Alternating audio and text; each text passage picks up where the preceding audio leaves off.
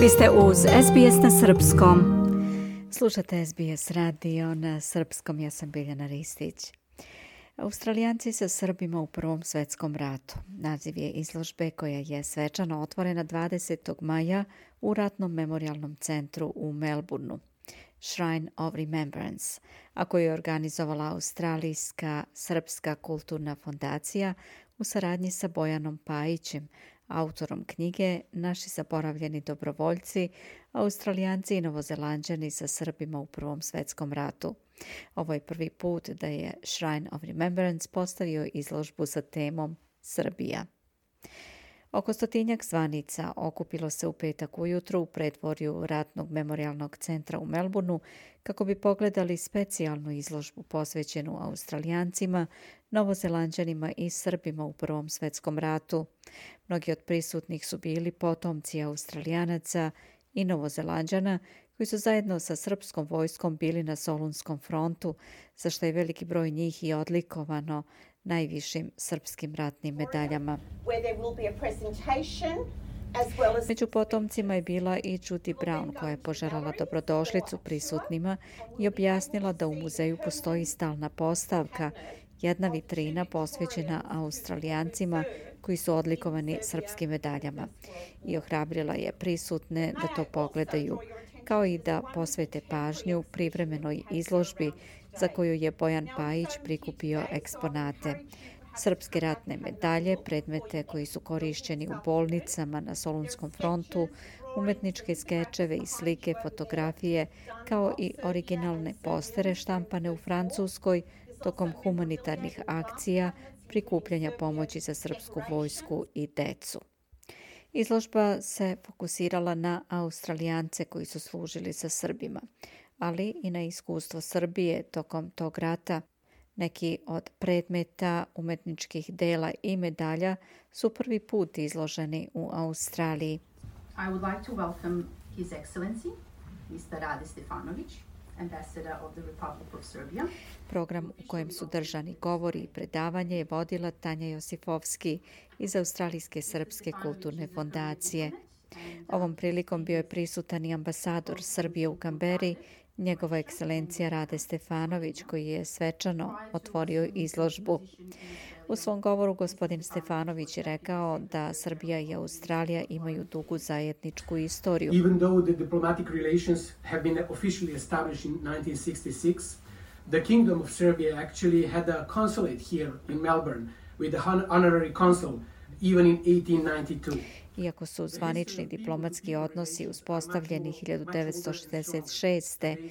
Kraljevina Srbija je imala konzulat ovde u Melbourneu sa počasnim konsulom još 1892. Istorija saradnje pojedinaca dve zemlje je mnogo starija i jača, a današnji događaj svedoči tome, rekao je ambasador Stefanović. On se osvrnuo na zajedničku borbu Srbije i Australije tokom oba svetska rata. Srbija je bila mala zemlja napadnuta od strane mnogo jačih neprijatelja, Nemačke, Austrougarske i Bugarske i bukvalno se morala boriti za goli opstanak, uzimajući u obzir njeno pravo na slobodu u situaciji kada je napadaju jači saveznici kao što su Britanija, Francuska i Rusija su joj pomogli u nevolji. Sad znamo da su Australijanci stigli u Srbiju kao medicinsko osoblje u novembru 1914. i od tada su bili prisutni u Srbiji ili su bili zajedno sa srpskom vojskom tokom rata. To je nešto što nas vezuje i dan danas i Srbija i Australija to nikad ne treba da zaborave. Srbija će uvek ostati zahvalna onima koji su doprineli njenoj slobodi sa puškom ili sa zavojem. Danas u Australiji žive mnogi ljudi koji imaju srpsko nasljeđe i zadovoljstvo je znati da oni žive među potomcima onih koji su se borili za slične ideje kao Srbija u svetskim ratovima. Australijanci danas uče više o srpskim ratnim kampanjama u kojima su učestvovali njihovi preci, a Srbi uče više o Australijancima koji su služili sa Srbima tokom rata. Zahvaljujući knjizi Bojana Pajića, sada imamo mnogo više istorijskih činjenica o tome šta se desilo, koji su Australijanci bili u ratu i znamo više informacije o njima. Danas imamo tri izložbe posvećene ovoj temi. Ovde u Ratnom memorialnom centru u Melbourneu, u Ratnom muzeju u Adelaidi i Mariboro Ratnom muzeju u Queenslandu. Kasnije ćemo videti stalnu postavku posvećenu Edwardu Ramidžu i Ethel Gillingham. I drago mi je da danas upoznam njihove potomke ovde, da im zajedno odamo počast za njihove žrtve, rekao je ambasador Stefanović. Bojan Pajić je održao vrlo iscrpan istorijski čas, osvrćući se na Australijance i Novozelanđane koji su služili na Solunskom frontu, ali i na iskustvo Srbije tokom Prvog svjetskog rata. Oko 1500 Australijanaca i Novozelanđana učestvovalo je u borbama sa srpskom vojskom u Prvom svjetskom ratu. Ovaj broj uključivao je nekoliko stotina Australijanaca koji su služili u ili zajedno sa britanskim snagama na Solunskom frontu. Australijanci su se pridružili srpskim vojnicima u samoj Srbiji, u evakuacionim bolnicama, na brodovima Kraljevske australijske mornarice na Jadranu i Mediteranu. Dobrovoljno se javili za pružanje humanitarne pomoći na mnogim mestima. Više od 50 australijskih lekara i medicinskih sestara služilo je u Britanskom crvenom krstu, Srpskom humanitarnom fondu, u škotskim ženskim bolnicama i u drugim misijama, dok je preko 380 medicinskih sestara, pripadnica australijske vojske, radilo u bolnicama širom Solunskog fronta. But why was this Um, Zašto se o ovoj kampanji nije znalo? Bukvalno je nepoznata i zaboravljena. Kad sam ja počeo da istražujem, skoro da nisam mogao da nađem ništa na engleskom jeziku. Verovatno je jedan od razloga to da je bila zasenjena Galipoljem i Zapadnim frontom. Manje kampanje iz naše australijske perspektive jednostavno nisu bile pokrivene. Nisam mogao da nađem ni istorijsku literaturu koja bi bila povezana sa kampanjom. Radi se o imenima koja je teško razumeti. Granice su se promenile, imena i prezimena su se promenila, pa je bilo jako teško i vrlo zbunjujuće pratiti sve. I to je, ja mislim, bio jedan od razloga zašto su ovi ljudi bili zapostavljeni, ako ne i zaboravljeni. Nadam se da ćemo ih uz ove knjige, prezentacije, sad i stalne izložbe izvući iz zaborava u koji su nažalost pali, rekao je Bojan Pajić između ostaloga. Granddad Edward, who's known as Ted, was born in in 1877. Jenny Kennedy, unuka Edwarda Ramidža, koji je služio u Srbiji 1915. rekla je više o njemu. Edward se prijavio u Australijske imperialne snage u martu 1915. kao redov u 24. pešadijski bataljon. Otputovao je iz Australije u maju 1915. u Egipat i bio je postavljen kao transportni vozač. Dok je ostatak njegovog bataljona poslat u Galipolje, Edward i drugi vozači iz 22. i 24. bataljona poslati su u Solon u Grčku da pomognu srpskoj vojsci u borbi protiv Nemaca, Austrugara i Bugara. Bili su vezani za desetu Irsku diviziju i učestvovali u bici kod Kosturina na srpsko-bugarskoj granici. Njihove dužnosti su uključivale transport zaliha, brigu o tovarnim životinjama, čuvanje zatvorenika i pomaganje u evakuaciji ranjenika. Dobar dan. Ethel May Gillingham's role in Serbia 1915-16. Richard Cook je unuk Ethel Gillingham. On se također u emotivnom izlaganju osvanuo na njen deo života dok je služila u bolnici Britanskog crvenog krsta u Srbiji.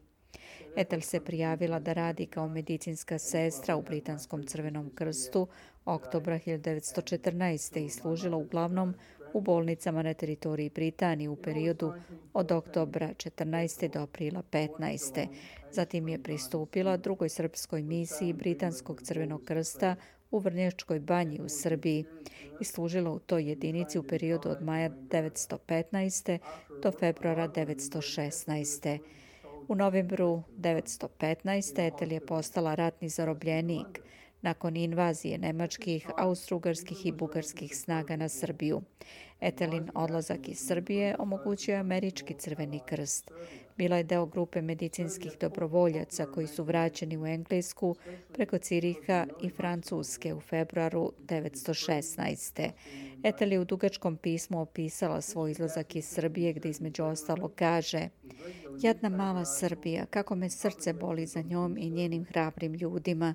Zaista sam naporno radila tokom tih prvih nedelja invazije i moje oči su redko bile suve. Aspekti njenog izveštaja objavljeni su u australijskim novinama. Etel je služila u bolnici Crvenog krsta u Egiptu od juna 1916. do decembra 17. i konačno u bolnici u Plimutu od jula do oktobra 1918. Etel je za zasluge odlikovana krstom milosrđa Kraljevine Srbije, a orden čini centralni deo izložbe. Izloženi su i Etelin pasoš i minijaturni opanci koji su u vlasništvu Eteline porodice. Međutim, saznala sam da orden koji je deo te postavke u Ratnom memorialnom centru u stvari nije onaj kojim je Etel odlikovana. Njen unuk Richard se slučajno zadesio dok sam razgledala postavku i ispričao mi sljedeće. My grandmother died. My mother had kad je moja baka umrla, moja majka, iako je znala da je to vredna medalja, ispunila je njenu posljednju želju da je kremira sa njom. Posle je bilo žao, a Bojan mi je dao tu medalju. Nekako je došao do nje i eto, to je ta medalja. He obtained it somehow, so, and there it is now. But my mother was always saying how Ethel you know, she went through all this hardship in Serbia. Moja majka je uvek govorila kako se Etel napatila u Srbiji, skoro da je umrla od gladi, što mnogi drugi ljudi jesu, ali to joj nije bilo priznato. A sad sa ovim što je Bojan uradio i sa ovom postavkom, moja majka bi bila srećna i ja sam srećan, rekao je Richard. Vitrina sa stalnom postavkom posvećenoj Edwardu Ramidžu i Ethel Gillingham može se vidjeti u Ratnom memorialnom centru u Melbourneu u delu muzejske postavke o Prvom svetskom ratu. Nažalost, oni koji su učestvovali u Prvom svetskom ratu više nisu sa nama, a malo je i onih koji su veterani drugog svetskog rata, kao što je 95-godišnji Toma Banjanin, koji je bio među zvanicama. Dugogodišnji sekretar prve srpske podružnice Aresela, osnovane u Melbourneu od 1979. do 2014. bio je zapaženi među prisutnim studentima koji su bili zainteresovani da saznaju ko je. Ovo je ljubota da vide, ova djeca idu studenti pa pitaju sve. Kaže, kaže odakle si, kaže, srpski veteran e, iz drugog svjetskog rata. U Bojanovom timu istraživača za građu knjige naši zaboravljeni dobrovoljci, australijanci i novozelanđani sa Srbima u Prvom svetskom ratu, bila je i doktor Lara Jakica. Znate, ja sam imala taj luksus da je sve to bilo, ovaj, da sam, ja sam imala pristup svemu tome zahvaljujući Bojanu koji ima eh, vrlo dobre veze sa arhivom tamo u Srbiji. Beograd također su, je dobio neke izvore iz Francuske, iz Njemačke, pošto ja govorim i njemački jezik, onda je to bilo baš zgodno da sam mogla onda i, eh, i te izvore. Jedna anegdota, ako imamo vremena za to, je baš sam se sjetila dok, smo, dok sam dolazila na ovu izložbu, da sam jedne prilike čitala dnevnik a, učitelja jednog koji je bio Njemac iz Vojvodine, koji je odlučio da sa, sa đacima, sa izbjeglicama krene sa srpskom vojskom ka jugu a, u, i govorio je u jednom, u jednom kako se to kaže, u jednom njegovom izlaganju napisao je da izgleda da će im se pridružiti i škotska bolnica iz Valjeva. A onda sam isti taj dan, uz sutradan, čitam memoare um, sestre iz škotske bolnice koja je pisala dnevnik zapravo tada dok je bila tamo i kaže moramo da evakuišemo bolnicu, idemo, dolaze izbjeglice sa sjevera pa ćemo i mi sa njima. I to je tako nevjerovatno jedan divan presjek koji, kojima sam ja svjedočila. Um, presjek baš toga istorijskog svjedočenja koji nije u učbenicima, koji nije, to su lična iskustva, tako da je bilo je mnoštvo takvih um, izvora i tak, takvih tekstova da je to, to zaslužuje jednu, jednu posebnu pažnju i meni je jako drago što je Bojan što je Bojan baš, baš odlučio da, da posveti tim tako, kao što je sam rekao, zaboravljenim volonterima, da posveti pažnju. Ne? Bojan je zadovoljan kako je ceo događaj prošao u petak. A, pa mislim da je sa zadovoljstvom sa, da je se ovo uredilo ovako i da se dosta naroda je došlo. A, a većinom je, mi je drago da su došli a, potomci australijanaca koji su bili u Srbiji pošto veza sa njima ja mislim, najglavnija struja za nas, da se, da se upostavimo kao a, a, jedan narod koji smo bili zadnji u pre 100 godina i nadamo se i za idućih 100 godina. Slušate SBS radio program na srpskom. Ja sam Biljana Ristić. Želite da čujete još priča poput ove? Slušajte nas na Apple Podcast, Google Podcast, Spotify ili odakle god slušate podcast.